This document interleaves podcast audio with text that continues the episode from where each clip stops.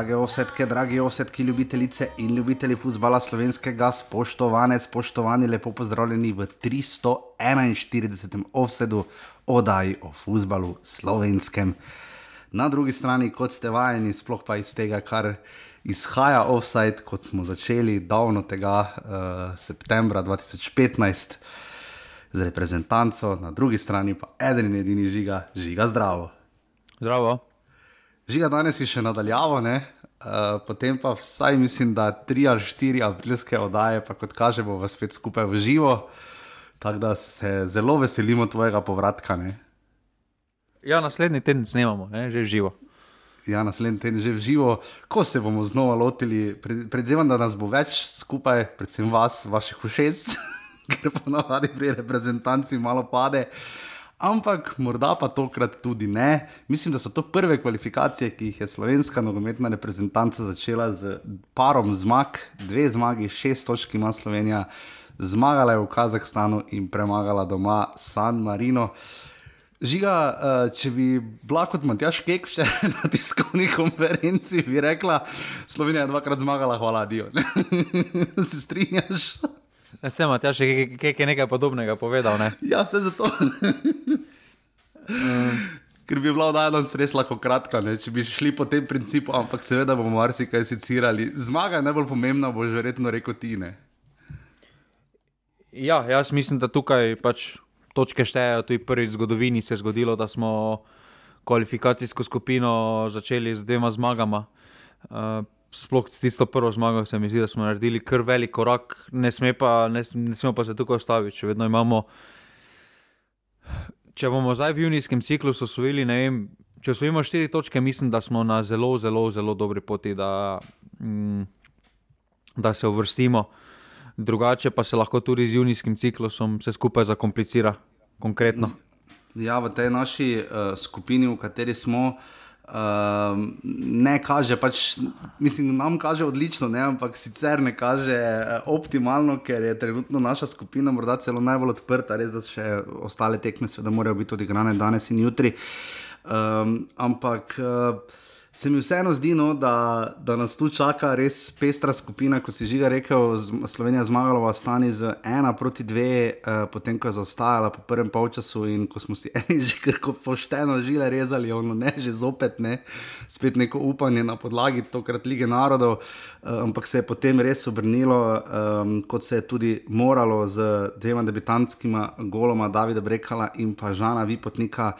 Potem pa je prišla tekma s San Marinom, uh, več kot 10.000 gledalcev v Stožicah, uh, zelo lep obisk. Um, ne bi rekel euforija, ampak takšen uh, dober dan je kazalo, da bo, da so ljudje pač seveda prišli gledati zadetke, ampak uh, res, da San Marino igra precej drugače kot je še recimo kvalifikacije dve nazaj, da so malo bolj kompaktni, kar so pokazali že proti Severni Irski, ampak. Uh, Zgledalo je na eni točki, že začelo pa malo skrbeti, malo žužnosti, uh, ampak Slovenija na koncu z dvema bizarnima goloma, žoga je zadela v prsi. Uh, Takega da v sirk, podobnega sem njega v glavu, kaj že zadela, ne v Ligi. Uh, Benjamina Šeška, potem pa je Žan Vipotnik, uh, ki je stopil znova kot rezerva, um, podal iz strani in uh, so si San Marinci dali sami zadetek in to je bilo to. Uh, potem pa je Benjamin Verbič naredil svoje stvari, uh, zelo jezen, oziroma mislim, da že predtem, uh, ampak na koncu, kot rečeno, še ena zmaga in šest točk v skupini, kjer imajo uh, razen San Marino vse tri ostale reprezentance, torej Danska, Kazahstan.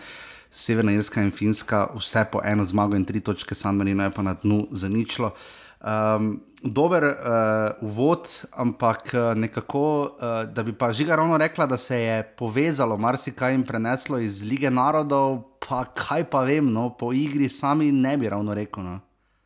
Ne, mislim, da vse skupaj se ni preneslo. Uh, je pa tudi res, da v Ligi narodov smo imeli na sredini malo bolj uh, lidera, tukaj Kurtiča se mi zdi.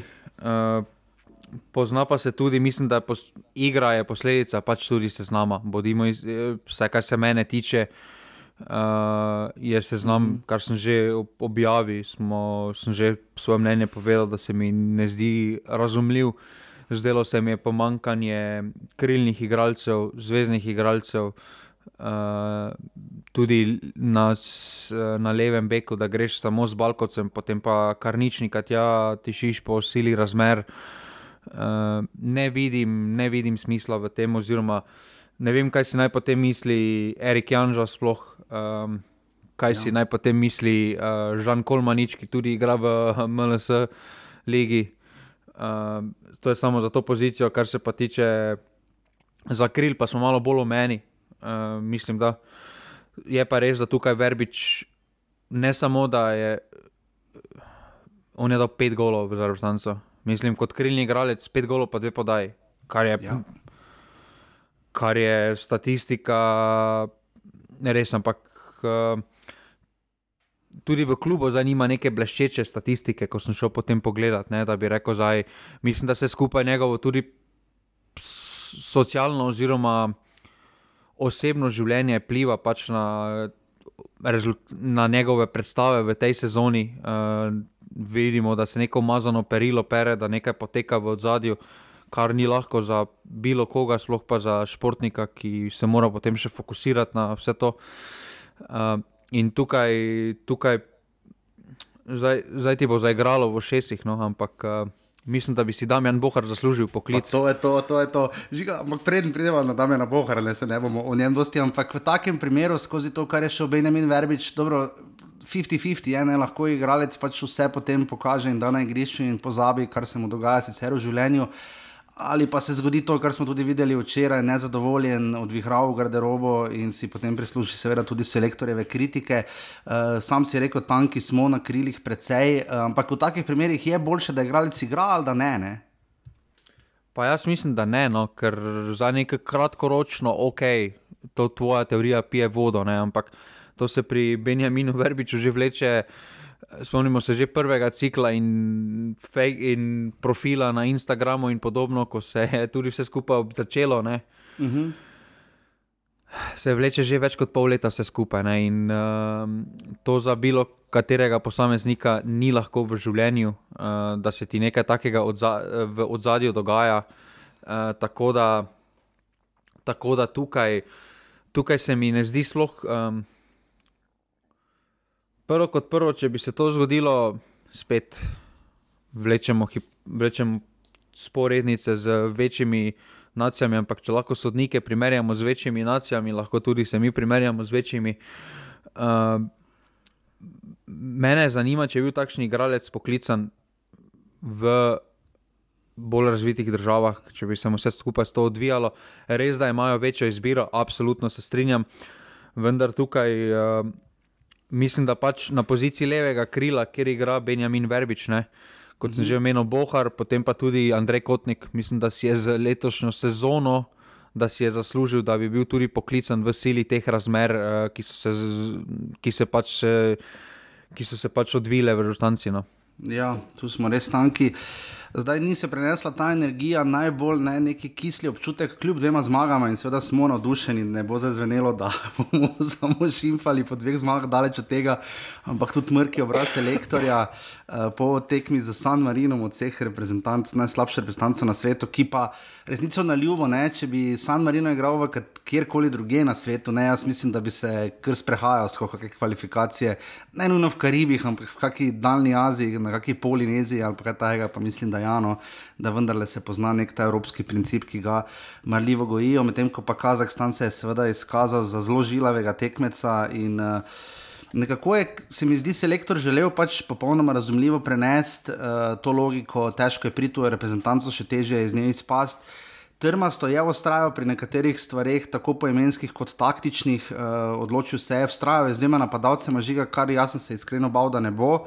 Pa je, torej za sistemom 4-4-2, probali smo v minulih kvalifikacijah tudi z tremi branilci, pa smo recimo, mislim, prav proti Srbiji to zamenjali, ampak. Uh, Poimensko se pa zdi, recimo, uh, Petr Stojanovič nima takega zagona ali pa vpliva, kot ga je imel, pa čeprav je sjajno podal, ampak ni pa več tako nujno playmaker, ni tisti, tisti skod sili, če kril nimaš.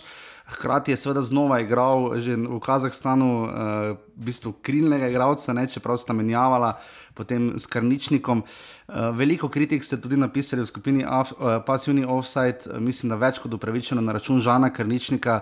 Jaz pač včasih se probujem ščipni žiga in reči, pa ne, zihar bo narobe podal, ne, ampak Žano Krničniku je šlo večinoma stvari zelo, zelo narobe, v obramnih nalogah, zlasti proti Kazahstanu, proti San Marinu, pa še v napadalnih. Uh, potem se lektor seveda ustraja z gnezdo Čerinom, mislim, da daleč od tega, da bi bil sporen, je pa res, da smo delovali brezidejno in um, nekako zatrto in eh, sterilno proti San Marinu, nismo vedeli, kako spraviti žogo kamorkoli. Benjamin Šeško se je zelo mučil na obeh tekmah, uh, stopil je Andrej Zvombergar oziroma začel tekmo proti um, proti San Marinu, žiga na drugi strani. Videli smo ogromno priložnosti Mihi, Miha Zajca, ki bi mu zdaj že pa res privoščili neki gol. Ne. Videli smo, da bije. Mislim, videli smo marsikaj, definitivno je dobro to, da ima reprezentanca res ogromno igralcev, ne vstopijo tudi Drkošič, pa tudi Horvat, da bi priložnost.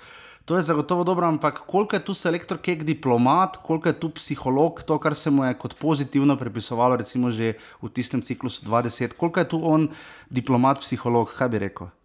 Pa že tako rekel, uh, vidi se, da smo zelo močni v osrčju. Uh, uh -huh. Obramne vrste, ne. tam vidi se, da res imamo širino, ker redko kdaj se zgodi, da v bistvu ostaneš brez dveh. Ja uh, ključnih členov v, iz, iz prejšnjega ciklusa, pa potem uh, oba dva vstopita, pa sploh brekalo me na obeh tekmah, uh, uh, me kar prepričal. Uh, uh -huh. Sicer dobro tam proti Kazahstanu, prvi polčas že skupaj vse malo lovil, ampak tam so se vsi skupaj lovili. Uh, po tekmi v Kazahstanu je bilo pr prvo vprašanje, ki se mi je porajalo, je, zakaj je mogel Andrej Zvonberger preleteti pol sveta, uh, da lahko sedi, ampak potem, kot kaže, je imel Matjaške, hvala Bogu, da je imel neki plan, da je potem na naslednji tekmi mu dal priložnost. Uh, ker je bilo res malo nesmiselno, da bi pol sveta prepotoval. Zato, ne, ker v njegovem primeru je še tako, tako smo največjo razdaljo premagali kot uh, gostoča država Slovenija. Ja, bo pa še to ne. Uh, Stana pol pa še to ne. Uh, Da... Sam je rekel, da bi prepotoval, pri, pre, prepotoval to razdaljo v vsakem primeru, to sem nekje to izjavo zasledil. Ne. Je pa res, da se mi tu zdi, če gremo tokrat od zgoraj dol, ne glede na to, da smo bili napadalno, predvsem močni, ne, ampak potem smo ostali pač brez Andraža Šporara, oziroma to smo tako ali tako bolj ali manj vedeli. Uh, nekako se mi zdi, kot da je Benjamin Šeško že star tak 33 let in daje mlajšim priložnost, da se kalijo ob njemu, oziroma tistim, ki so do zdaj igrali v reprezentanci manj. Pa Beni, mislim, da smo že povedali, da je meni taki klasični britanski igralec, ker bo Britanci vedno dal nekaj več, eh, nima veze niti njegova klubska forma, uh, za Britanco vedno dela, tudi um, proti Kazahstanu. Kdo je naredil prostor, vi potniki, ja. sploh, ja, Benjamin ja. Šesko z uh, tekom. Ne. Tako da tukaj uh, je on taka ključna figura v. Uh, v bistvu, poleg Jana Oblaka, trenutno Kurtiča ni zaradi poškodbe, on je ta ključna figura, na katerega, ko ga pogledaš kot navijač, dobiš neko, ok, eh, mirni smo, imamo to tudi, če zaostajamo, Beni pa že nekako. Obrno, ne, uh, mm -hmm. se, pa pozna, se pa pozna, da nima podpore, da nimajo napadalci podpore z, uh, iz kril, s kreativnimi igralci. Tukaj smo uh, tukaj smo res zelo, zelo, zelo tanki. V bistvu pravo krilo je več ali manj samo uh, verbič, ki ni v mhm. najboljši formi, desnega krila sploh nimamo.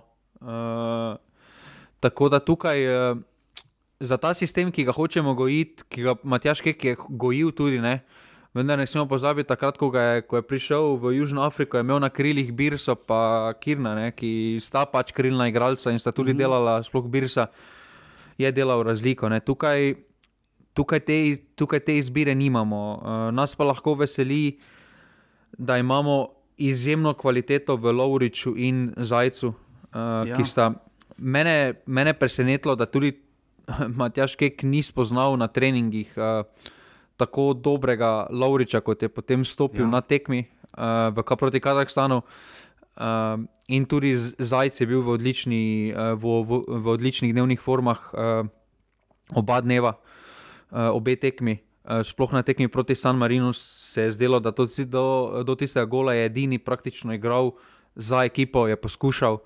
Uh, Medtem ko drugi, to, to, to, to se strinjam z Matjažem Kekom, da so si igrali malo bolj, na, za svoje ime, no, za svojo statistiko, uh -huh. kar se mi ne zdi pravilno. Ja, zdaj proti Kazahstanu, srednja vezista sta bila Jongoren Stankovič in Adam Gnezda Čerin, noben od njih še nima 20 nastopov, jih ima ta 17 oziroma 19, uh, sta tudi malo v letih različna. Jongoren Stankovič je 27 let star, Adam Gnezda Čerin, uh, mislim, da kome 23, ampak mu kek uh, blazno zaupa. Uh, tu smo pač videli bolj zaprto taktiko, po drugi strani pa obe reprezentanci nasprotni sta nam kar, sta nam kar precej puščala to žogo in tu je morala Slovenija kreirati. Tu bodimo iskreni, se ne počutimo najboljši in mogoče to razlog, zakaj smo tudi v Ligi narodov boljši igrali, sedaj če smo igrali Srbijo, Norveško in Švedsko. Uh, uh, kjer smo sicer tudi včasih znali imeti precej žogo, ampak uh, mogoče nam bo bolj ustrezalo, že kot ponavljava oba, zlasti ti to radi izpostavljaš, ko igramo seveda proti bolj renomiranim ali pa bolj specifičnim tekmecem, ki so boj, bodi si više rangirani, bodi si imajo nek zgodovinski renome. Tam se mi zdi, da nam gre lažje, pa res, da zmagam, ne bomo gledali nujno v zobe, ampak uh, se mi zdi, da Keka čaka veliko dela, da je treba tisto ligo narodov ne pozabiti, ampak kar lahko naučimo, smo že naučili. Uh, oziroma da bo moral selektor malo predrugačiti stvari. Uh, po eni strani, po drugi pa se mi tudi poraja vprašanje, eh, zakaj zdaj vsak, ki vstopi praktično, oziroma zakaj. Tokrat deluje, ker treningov ni nič več, kot jih je bilo prej, pa smo se ne poslušali, vemo, zlasti v času sreče Katanca, da je pač treningov premalo. Zdaj pa to nekako funkcionira, ne? da lahko Stankovič začne, gnezda Čerin začne, uh, in tako naprej. Ne? Kako ti tu, uh, žiga, vidiš um, te razloge, zakaj so treningi ok, in ali nam bo lažje igrati morda proti Finski, Danski, Severni Irski? Ne?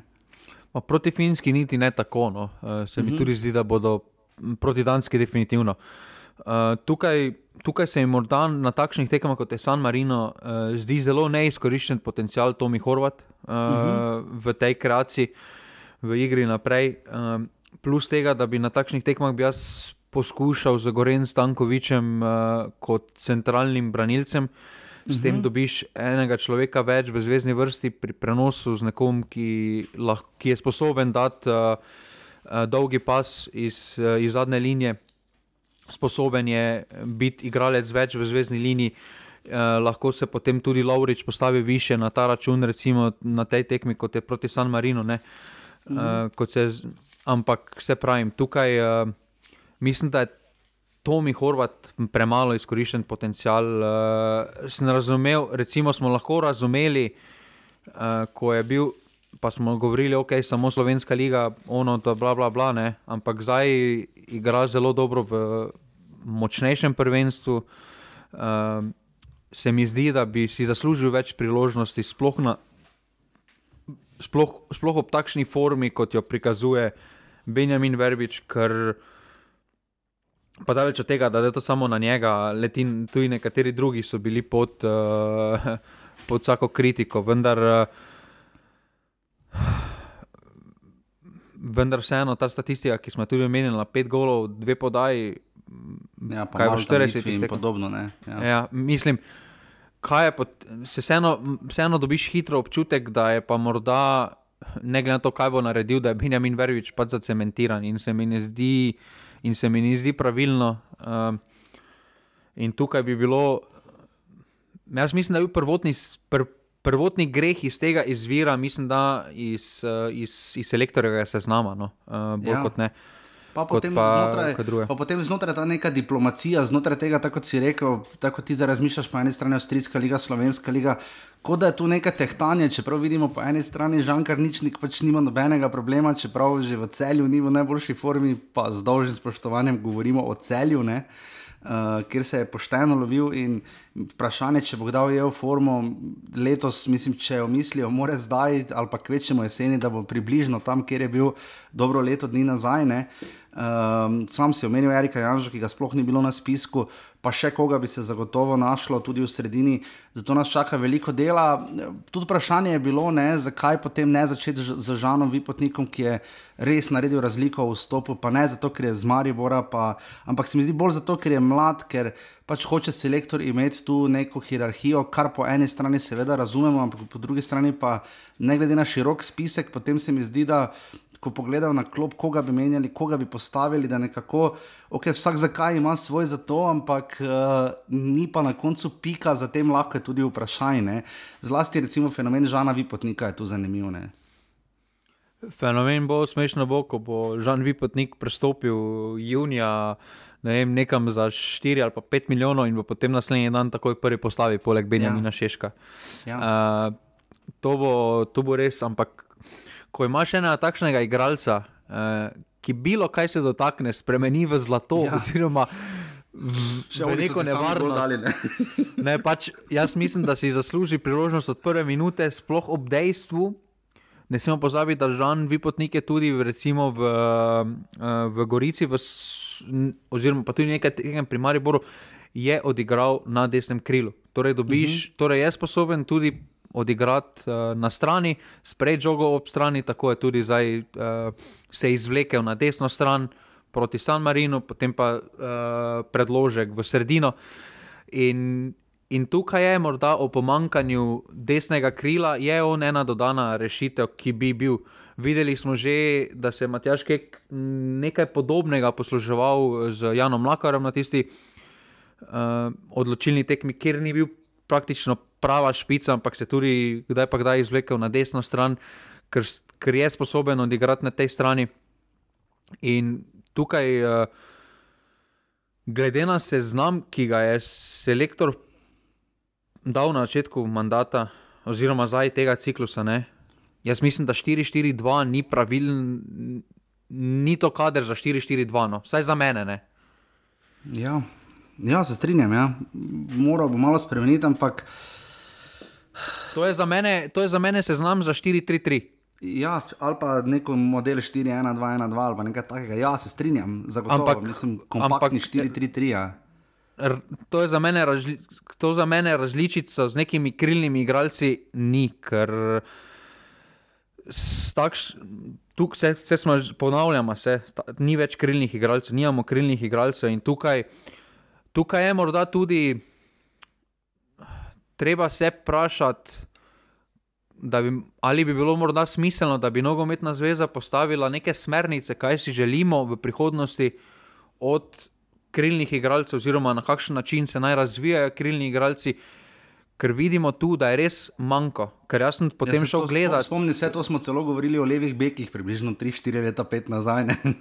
ja, ampak jaz sem, potem, jaz sem šel potem gledati, recimo za nazaj, pa tudi zadnje spiske. Ne. Na krilih smo vedno bili zelo tanki. Ne. Smo poskušali tudi v svojem obdobju z Zajcem na krilu, uh mhm. -huh. z Lovričem na krilu pa niso to, uh, niso to njihove primarne pozicije. Ne? In tukaj, uh, ko sem potem gledal sezname za nazaj, za 2018, pa to sem videl Rudi Požek, Vančaš, uh, Vanc, uh, Vancaš v Narutanci, Saša Aleksandr Živec v Narutanci. Tukaj smo poskušali razširiti ta seznam, ampak nimamo pa res tega pravega krilnega igralca, ki je in zato.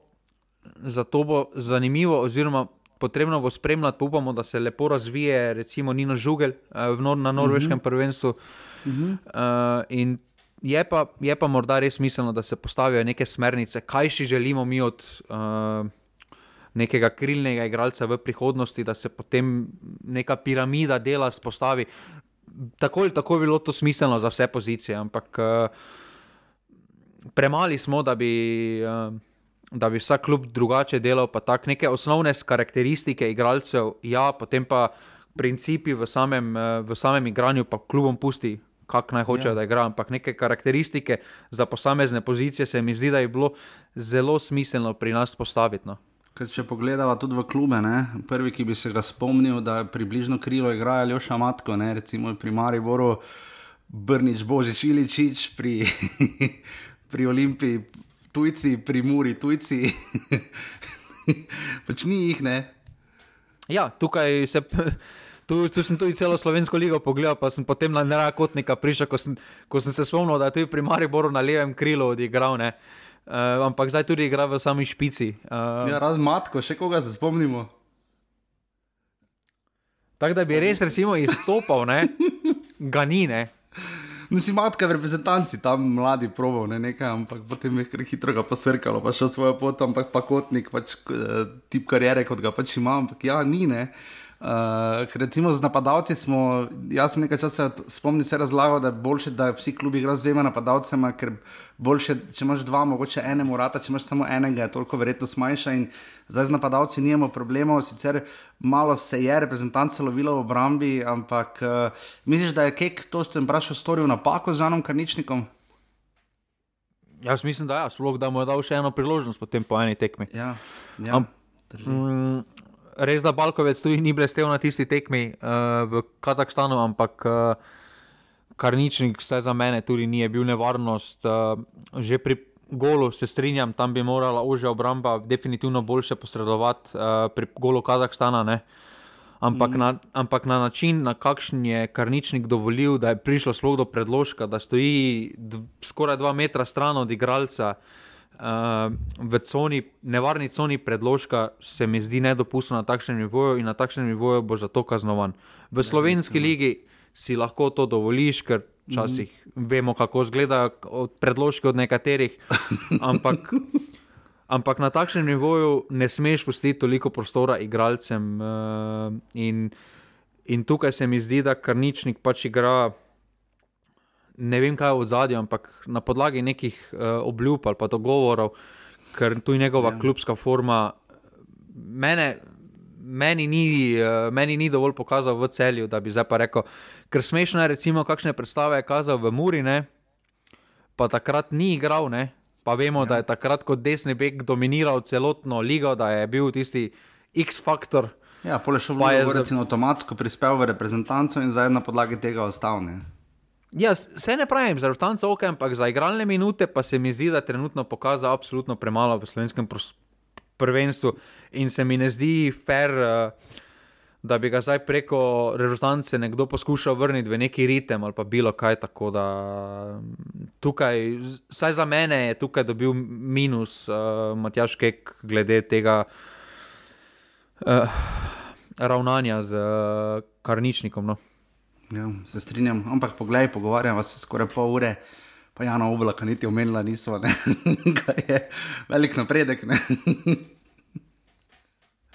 ja, no, ne, včasih bi zdaj že imel štiri parade, pa se kidali bi se. Da, um, ja, ker so bile tako specifične tekme, pač malo v skupini. Jaz sem ujel za njih 15 minut tekme Kazahstan, Danska in neverjetno, no, Danci imeli varnih dva nič, se usedli nazaj, razmišljali o poti domov in fasali tri gole. Uh, zelo bizarno, mogoče je to celo en najbolj ključnih rezultatov žiga v tej skupini. Ne? Je to za nas dobro ali slabo? Pa so tri točke plusa, ki jih mi imamo, ampak glede na to, da sta dve tekmi komaj odigrani ne? in še uh mhm. -huh. niti, in še zelo, zelo dolga pot do konca, uh, mislim, da je prehitro govoriti, da je to ključni rezultat. Mislim, da glede na tudi ta rezultat je ključno je super, da smo ključni samo mi, uh, da bomo samo mi šteli, ampak še vedno imamo zelo dve težki gostovanji, uh, poleg Danske, mislim, da tukaj Finska, pa Severna Irska. Ja. Bo ta zelo, zelo, zelo neugodni gostovanji, uh, ker bo ključno, podobno kot sem govoril pred tekmo, kar stanem, da ne zgubimo. Um, ampak glede na tudi rezultat Finske na severnem Irskem, ja bo sedaj tam ključno, da mi zmagamo. Uh, ker uh, mislim, da bodo še vedno jaz trdim, da pač Finci so tisti. Uh, naš tekmec za to drugo mesto, uh, tudi s tem kiksom Danske, mislim, da bodo se še vedno sprehodili za eno mesto, deset zmag bodo morda imeli, definitivno osem zmag, se mi zdi, ali pa recimo devet, uh, up, ampak mislim, da jim lahko doma v junijskem terminu odščipnemo točko in uh, in morda tukaj pridobimo to, to, kar smo pridelali v Kazahstanu, potrdimo na sami lestvici. Te kot četrt medijsko osebnost in ultimativnega strokovnjaka za finski futbal presenetila zmaga Finske na Severnem Irskem? Pa gledal sem tekmo Finske proti Danski. Uh, moram povedati, da so me vseeno do, do sredine prvega polčasa, oziroma kar tako pol ure, uh, da Finci nis, so me kar pozitivno presenetili, kako so bili uh, aktivni, uh, iskali, so, iskali so igro, uh, hoteli so igrati, uh, ne glede na to, da so igrali na gostovanju na Danskem.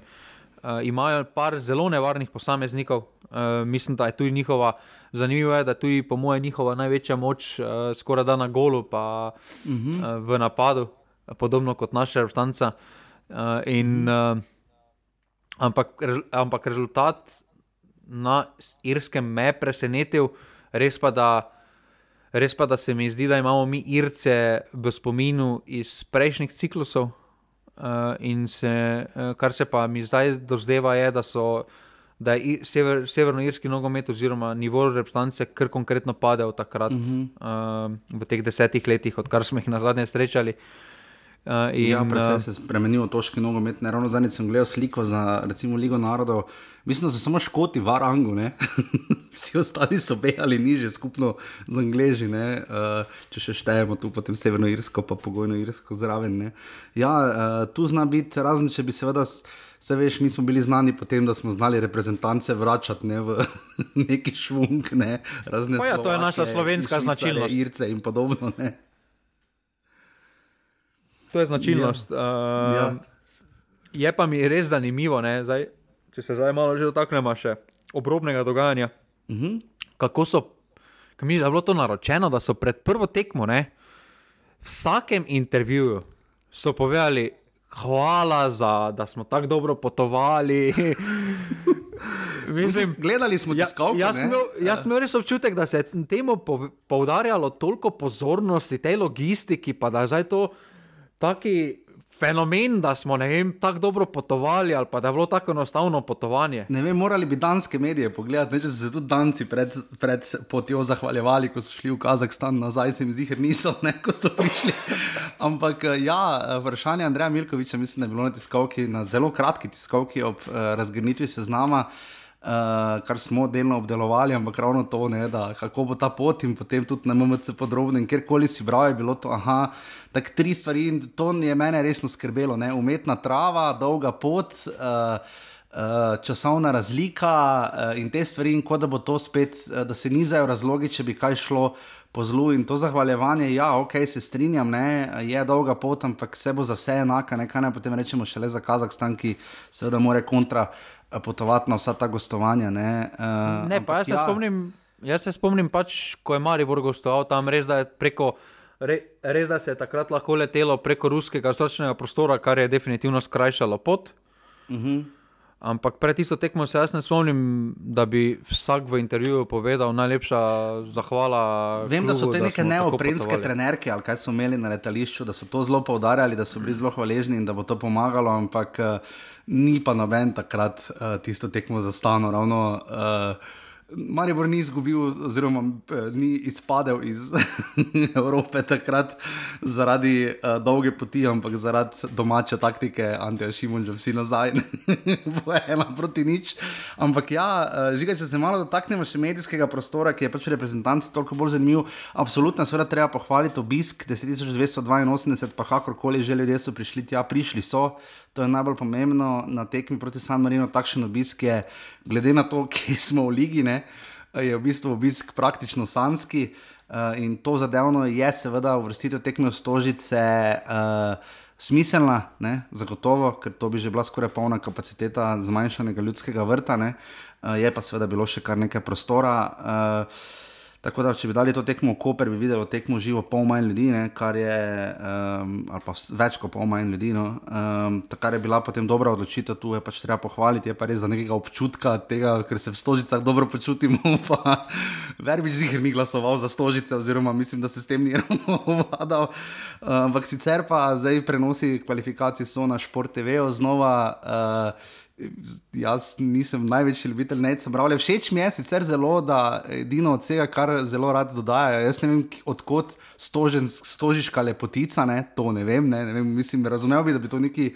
Veš za poljud, kot velja, ali pa za kateri koli tak stadion, ki ima nek renome, ali pa celo ljudski vrt, ali pa nek poljud. Sorry, ampak poljud, poljud ni lepotica. Ni lepotica. Poljud je kup pač... kamnov, ki bo skupaj ja, padli ampak arhitekturno ima nek svoj pač pečat v Splitu in je en večjih eh, monumentov, ne, Dalmatinske prestolnice, vidiš pa že govorim, ko ne se mravlja. Ampak uh, všeč mi je sicer zelo to, da uh, poudarjajo, odkot so igravci, uh, to je zelo, ne vem, vojnik, šempeter in podobno. Ne. Uh, to mi je všeč, ampak uh, se pa res pozna znova, da se pač te pravice pri nas selijo. Oziroma, všeč mi je tudi, da uh, je bil mladen Dabanovič gost. Uh, manj sem sicer razumel uh, pot Mateja Mauriča, Rožiča, vas tam. Mislim, se mi zdi, da je bilo vseeno malo premalo izkoriščeno. Ne? Mislim, da je on bil tam. Um, da, da se trudijo na športe, vejo, je vidno, uh, zdi se mi, da bi studijski del lahko bil močnejši. Uh, Razumem, da Andreja Razdrha dajo zraven kot uh, pač svojega komentatorja iz lige, o katerem pa imamo že v ligi vsak ponedeljek, sicer zapoveda dosti, ne? ampak se mi žiga tu zdi, da um, jaz bi tu raje izbral koga drugega, vseeno, ki ima malo več pečata za reprezentancov, vemo, da jih ni nujno lahko dobiti, ampak uh, trudijo se, skušali so da sodniške osebine, ne vem, kak si jih ti videl. Zdaj, kaj se tiče komentatora jaz mislim, da pri meni dobi pač pozitivno oceno, ker glede, ja. na drugo, glede na druge izbire slovenskih komentatorjev, se mi zdi en izmed boljših, uh, njegova dinamika. Uh, ne ponavlja eno in isto, uh, uh -huh. tako kot nekateri na drugih športnih televizijah. In tukaj za mene je trenutno on, uh, poleg še vedno Lukača, en izmed boljših, uh, če ne Super. top 2 ali pa top 3 komentatorjev, športnih komentatorjev. Škoda, da lige ne komentira, ne? recimo, ne? Ja. že na športe vejo, ne zelo. Ne? Ja, ampak se res pozna na tuji francoski nogomet uh -huh. uh, ja, ja. in se pač tam osredotoča. Uh, kar se pa tiče drugega dogajanja, pa se mi zdi, uh, pa daleč od tega, da to samo leti na šport TV, ampak kultura poročanja, kultura vprašanj, to je izpod vsake nogometne nacije. Mislim, ne glede na rezultat, jaz vem, kaj bo, praš, kaj bo vprašali Matjaža Keka, kaj bodo vprašali mhm. igralce. Pa, kakšna vprašanja so to? Dobene vsebine, uh, to, to, ne, to res ne vem. No, zakaj ima smisel, da sprašuješ? Ne vem, bilo, bila so vprašanja prekala, če ste bolj veseli, gola ali z dveh zmag. Mislim. Pa, Ko naprej veš, da bo rekel dve zmage, valjda. Pa kako, vpraš res kako vprašanje je to? Pa potem, pa potem vi potnika, po tekmi, ko so ga spraševali, uh, kaj bo moral častiti zaradi gola.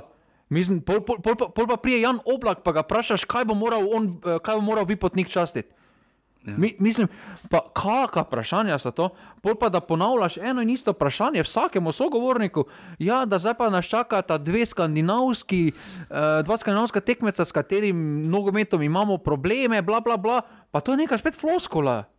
Mislim, jaz pa neko... še vedno nismo spredaj, ampak glede na zadnjo ligo narodov. Ne? Ne samo, ne samo da je neko vsebinsko vprašanje o samem poteku, zakaj ta menjava, zakaj to, ja, zakaj ja. se je za takšno postavitev odločil, zakaj ni Vipotnik začel, uh, glede na dobro predstavo, zakaj Vomberger na prvi tekmi ni dobil priložnosti, zdaj je dobil priložnosti. Daj neko vsebino. Pa... Ja, zanimivo, zanimivo, da Matjaža Keka je to vedno teže spraševati. Zdi, če bi ga vprašal, zakaj Vipotnik ni začel.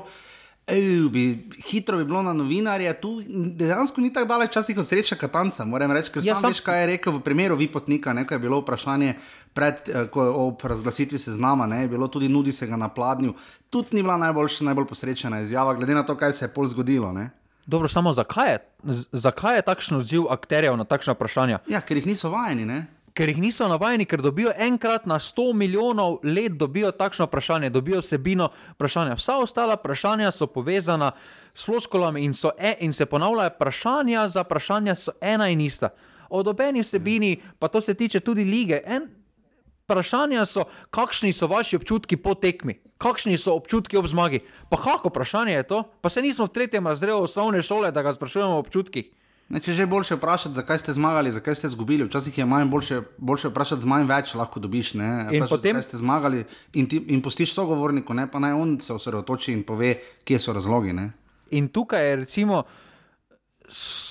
Ko govorijo, da ja, pa pod prečko razvijamo nogometno kulturo, se strinjam, oddaja pod prečko definitivno razvija nogometno debato na drugačen način, vprašanja so bolj direktna, uh, več je komunikacije, ampak tisti oddaji se tudi vidi, uh, da so sogovorniki voljni debatirati o takšnih temah. Recimo na primeru zadnje oddaje, ko je Dejan Grabič povedal, veliko iskre, veliko, je, mhm. zelo iskreno povedal vse skupaj. Uh, torej, vidi se, da so akteri pripravljeni komunicirati na takšen način.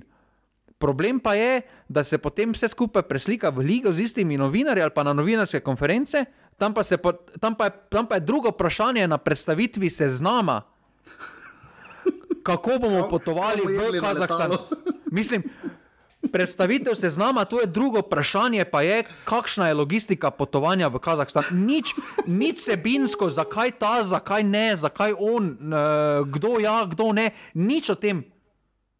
Prvo vprašanje, mislim, pa, pa o čem se mi menimo? Hočemo, novinari radi po, po, po, uh, poudarjajo, ja, zdaj pa akteri so tisti, s katerimi, za- zaradi katerih ne moremo slediti trendom Anglije ali pa ne vem, bolj razvitim državam v poročanju, bla, bla, bla.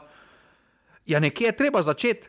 In če boš ti eno in isto vprašanje ponavljal, se bo pač dejstvo je, da se bo pač akteri razvadili in ne bodo niti pripravljeni na bolj direktna vprašanja in, in ne bodo hoteli odgovarjati. Ja, in hitro, sicer vemo, da v športu, kar nekaj tem je bilo, tudi bil sem letos na eni taki debati, mislim, na novinarskem festivalu. O tem odnosu s športniki, eh, novinarji, ki je zelo specifičen, lahko zlasti pri individualnih športih, da se ne pogovarjamo, kako izgledajo, ko recimo našim skakalcem ne gre, ne, bomo pa danes ga pustili pri miru, ima slab dan, ne, mislim, ko to vidim, si mislim, ko pa postanejo svetovni prvaki, pa punce, mame in vse ostalo, ampak ok, ne. Uh, če se pač ostanemo pri, pri futbalu, ne pač pri nogometu, je res bil ta občutek, zlasti na relaciji katanec-novinarji. Se, se sam spomniš, kakšne škotske in takšnih tiskovk, ki smo jih gledali, ne?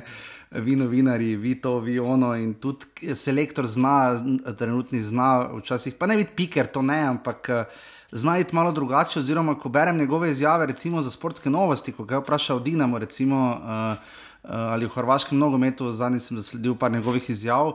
Uh, tam se mi zdi, da je mnogo bolj vsebinski, ne? ampak pač zato, ker je neka tradicija in kultura, očitno medijska, na precej drugačnem nivoju, oziroma pač ima drugačno prakso in uh, to se zagotovo pozna.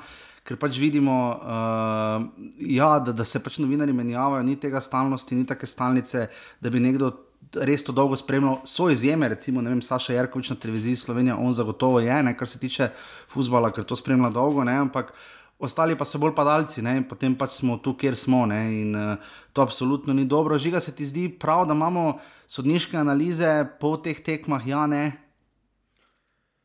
Prvo kot prvo, ne.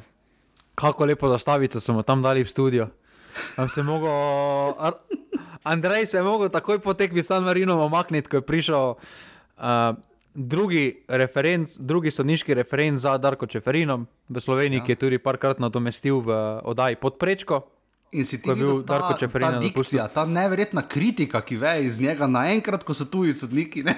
Ko so tuji sodniki, ne, pa je slabo odsodil tekmo, ne. pa je na tekmi, ker sploh ni plival. Ne. Je Ni videl nenadne roke. Ne? Ja, ampak je, ampak je slabo, je, ampak je slabo odsodil. Slovenski sodniki dobene napake.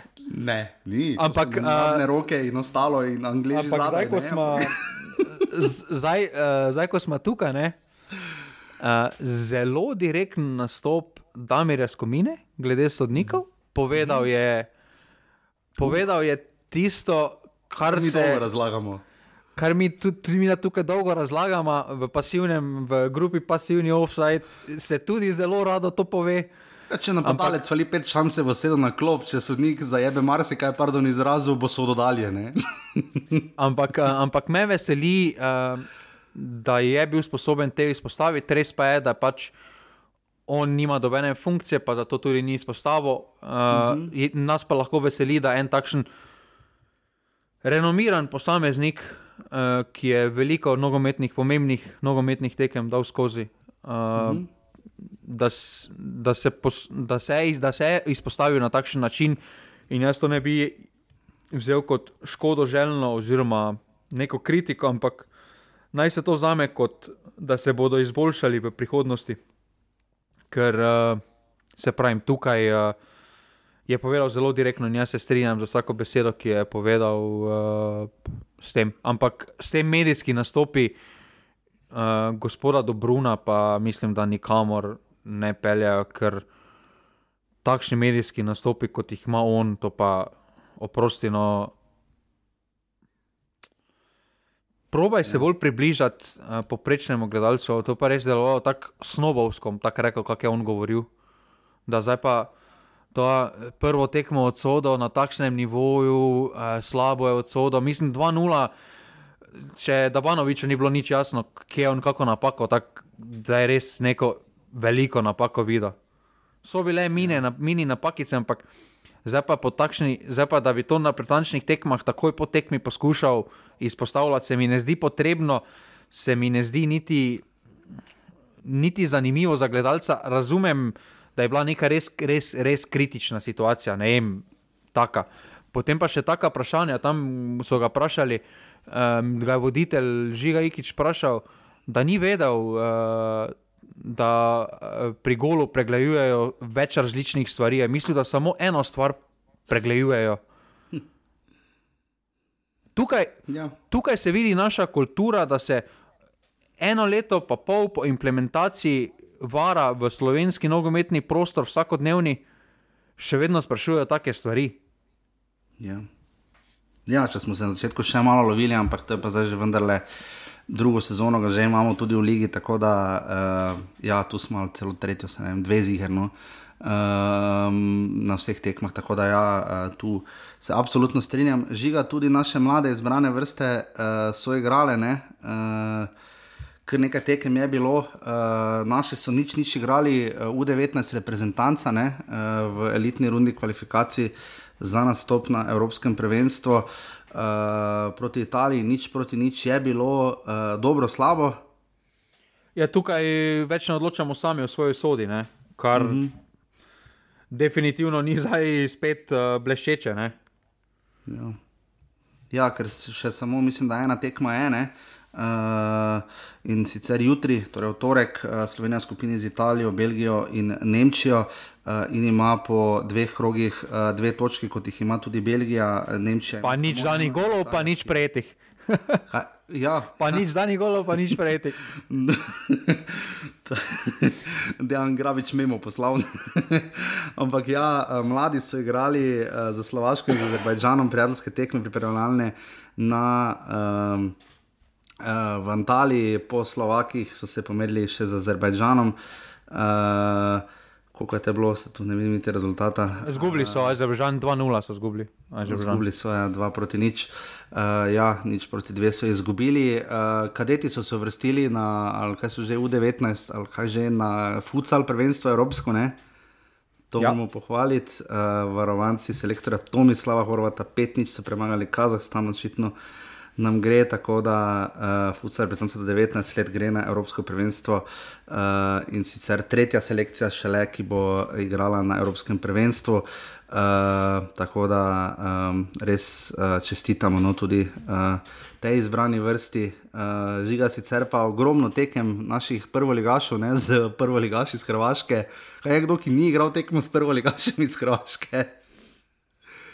Ja, veliko je razlog. Mare verjajo z lokomotivo, če ki uh, celje je igralo z reko, nekaj tajega. Uh, ja, na reki. Uh, na reki, uh, če ki za Gorico je igral kdo, Mura. Ne, Mura je z Varažinom igrala. Mura je z Varažinom, uh, domžale se igrale z Gorico. Ja.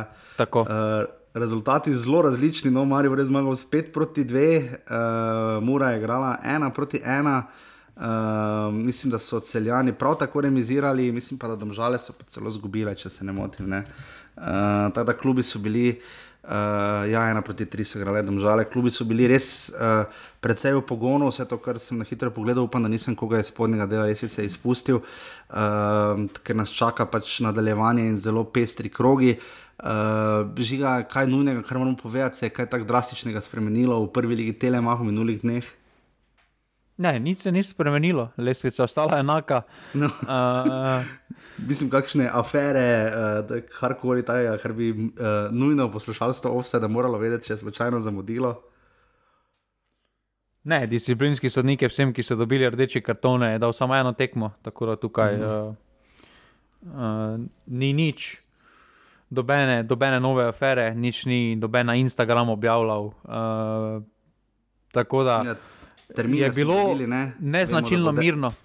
Vemo, da bo derbi 16. aprila v nedeljo ob 17.30, recimo, uh, potem pokalne tekme so vredno delegirali, tako da dve sta ob 16. mislim, da dve pa ob 20.15.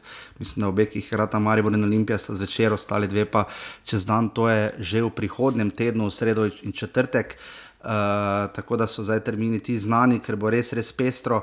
Uh, vem, da je bilo nekaj dilem, samo predstavljam tekem in tu se strinjam. Boljše bi bilo, je pa res, da je ritem zaradi pokala. Uh, veliko nočni ponedeljek, načeloma ni najboljši termin, bravo, Olimpija in pa Mura celje boste recimo odigrali tekmite, da je žiga z nekako z ponavadi z veliko nočjo in pa z. Ki je pač fiksirana na vikend, in pa uh, ob, občasno, glede na to, kako pač pade koledar, uh, in letos tudi zna biti krbo, glede na to, da si vzameš samo v petek, fraj, tisti, ki imate seveda takšne službe, ker je 27. april četrtek, potem pa sta prvi, drugi ponedeljek in torek maj. Uh, tudi prvi maj imamo nekako ponavadi, takrat obisk res, res zna pasti in biti res šepastne. Ja, ampak tu zdaj nič ne moremo, prvenstvo se mora odigrati. Zdaj, če ja. bi se prvenstvo planiralo na vse praznike, na ono, ono, tretje, pač ne gre. Um, težko zdaj najti idealen termin, da, bo priš, da, bo, da, bo, da bodo vsi prišli uh, na tekmo, ki hodijo, oziroma si želijo na to tekmo iti. Ja, so pa super tekme, takrat ne, recimo Tabor, Radom, Lecele, Maribor in Olimpija, Koper, recimo ne. Pa mora bravo, recimo še Grabič proti bivšemu klubu. Tako da res glih taki krok pade. Ne? Ampak potem pa še recimo v sredo, med tednom pade znova. En krok še imamo, ta bo takoj prvi teden v maju, Maribor Mura, recimo boste igrali med tednom, uh, tako da bo res, uh, pa bravo, ta bo recimo kot neke vrste derbi, če bo, ampak glede na to, da se je bravo potem dvignil na koncu. Vprašanje, če še bo, to bo že 34. krok prvenstva, pa se bo zaključilo 20. maja, pokal je, mislim, da 6. v soboto, uh, ko takrat ni lige. Uh, tako da žiga, uh, ja, nič gremo počasi na rubriko. Jaz ne najdem se z nama, kaj sem videl, rekla za tekme uh, uh, naše reprezentance. Ne rečeš, več, ker smo tako prav. Oboje si zadeval, te sem smejal na robe. Ne, zabavam se. Uh, mislim, da ja, sem za Kazahstan. Mislim, da sem za Kazahstan tudi remijas napovedal, tam pa sem malo više zmagal, kot je bila. Mislim, da sem 4-5-0 rekel. Ja, sem mislim, tudi nekaj takega. To se očitno ne bo prijelo. Zdaj pa gremo v rubriko žiga, ima skoraj vedno prav, ja, še pa tudi gremo v 29. krok, ki bo odigran v soboto, tri tekme in v nedeljo dve. Žiga odpreta v 15. uri celje in radomlje. Vemo, uh, kako se je na zadnje uh, zaključevalo celje, se je na koncu v Ligi uvrstilo uh, na tretje mesto uh, in pridno stiska, uh, potem ko je na zadnje seveda zmagalo s tistim norim golom proti Domžalam, medtem ko, uh, kako smo rekli, radomljene, uh, pa so uh, potem z remijem padle za ena, za ena osmo mesto. Žiga tvoja napoved? Celje tukaj uh, 3-1 ali pa 2-1. 3-1 ali pa 2-1, se rečem 2-1, mislim, da bo radomlje vseeno zabile ta zadetek. Potem ob uh, 17:30 tekma, mislim, da kjer najdalje že nekdo čaka na zmago, Gorica, Marivor, žiga tvoj napoved. Ena, dva, s tem, da bo Gorica povedala, imam neki občutek, no, da bo kar žučna Aha. tekma. Jaz pa rečem, da bo še bolj žučna in da bo 0-1 in da bo še bolj napeto. Uh, potem pa še večerna tekma na Bonifiki, Koper. uh, Koper, bravo. Koper, Koper, Koper. 2-0. 2-0, jaz pa rečem, da bo neverjetnih 1 proti 1.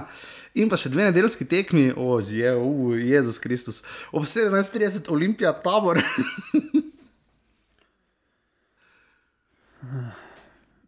3-0. 3-0, jaz pa rečem 4-1 da bo še več zadetkov. In pa zvečerna tekma, zelo, zelo pomembna v boju za Evropo, domžale Mura v 2015. Zelo, zelo pomembna tekma za obe ekipi.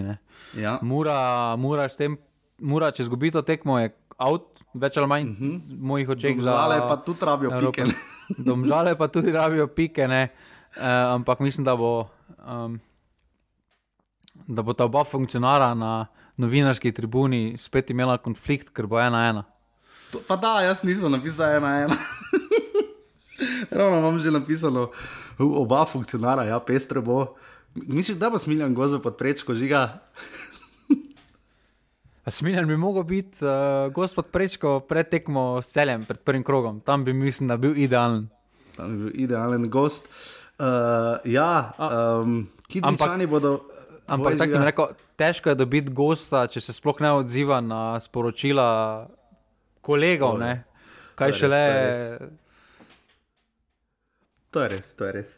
Žiga, uh, niso pa seveda počivali, drugo ligaši, aluminij bo vse do srede na vrhu. Uh, Ko bo svojo tekmo za ostalo igrala Rogaško aluminij, sicer uh, zmago z nič proti štiri v Kranju, uh, Krka je igrala ena proti ena proti dekanom in pa Ilirija je visoko izgubila proti uh, Bistrici, kar štiri proti nič je bilo v slovenski Bistrici, kar pomeni, da lestvica sedaj zgleda takole. Aluminij ima torej točko prednosti pred Rogaško, ki pa kot rečeno igra v sredo uh, svojo tekmo, um, mislim, da za Fužinarjem, če se ne motim. Uh, Krka ima za 42 točk in Ilirija 38, torej uh, vedno manj možnosti je za nek četvero boj tako ali tako, ampak troboj pa bomo še videli, offside bolj ali manj, veste, žiga je karkoli ta, kar bi rad še delil z širno populacijo. Ne, nič, kaj je tako posebnega. Nič posebnega. Uh, ja, kot rečeno, nas čaka zdaj potem res pestri tedni, uh, ker ogromno futbola, torej že potem naslednji teden je pokal med tednom. Eh, pa potem prvi teden, uh, potem je še tudi polfinale pokala, pa finale pokala, tako da pridi maj bo sta res pestra reprezentanca. To smo pozabili povedati, eh, se bo vrnila 16. junija, bo gostovala v Helsinkih in pa 19. junija bo doma gostila Dansko. In žiga, če se znajdete v Ovsedu. Si Benjamin Verbič, ko se menja, ne? Ja, mater je bil jezen. huh ni mu lahko, uh, zato pa upam, da je vam danes ste dobili malo krajšo dozo, bo pa naslednji teden verjetno daljša in potem v aprilu bo ogromno dogajanja, spremljali bomo seveda tudi naše fante. Se pa slišimo pol naslednji teden, ko bo vazigo. Ena na ena in bo spet še bolj pestro. Da, hvala seveda vsem, ki podpirate offset na urbani.si pošiljnica offset. Hvala vsem za sodelovanje v pasivni offset skupini, kar nekaj predlogov smo dobili. Žiga Ester Sokler, vrce vedno bolj prijema. Ja, ampak to ostaja. Jaz samo čakam dan, ko bo, ko bo to v TV prenosu omenjeno, da je Ester Sokler naredil ali pa nekaj takega. Ja, je pa res, da čakamo. Mislim, Tomaš Suder nas je nekoč omenil, oziroma mislim, da je mene. Ne? Jaz upam, da bomo čakali dan, ko. Mislim, da par poslušalcev med komentatorji ima, no, ampak uh, jaz se bolj bojim, da bo Ester Sokler imel napisano nekaj na majici gor. pa ne te, ki jo je naročil preko offsajda. Tako da nič, malo smeha, more biti, uh, čestitamo še enkrat reprezentanci za dve zmagi, jo bomo potem spet slišali več o njej junija, mi pa bomo šli potem dalje v Ligo, tako da se slišimo naslednji teden. Hvala, adijo. Hvala, adijo.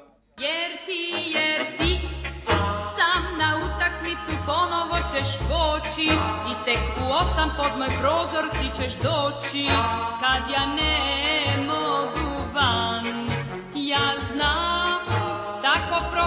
mi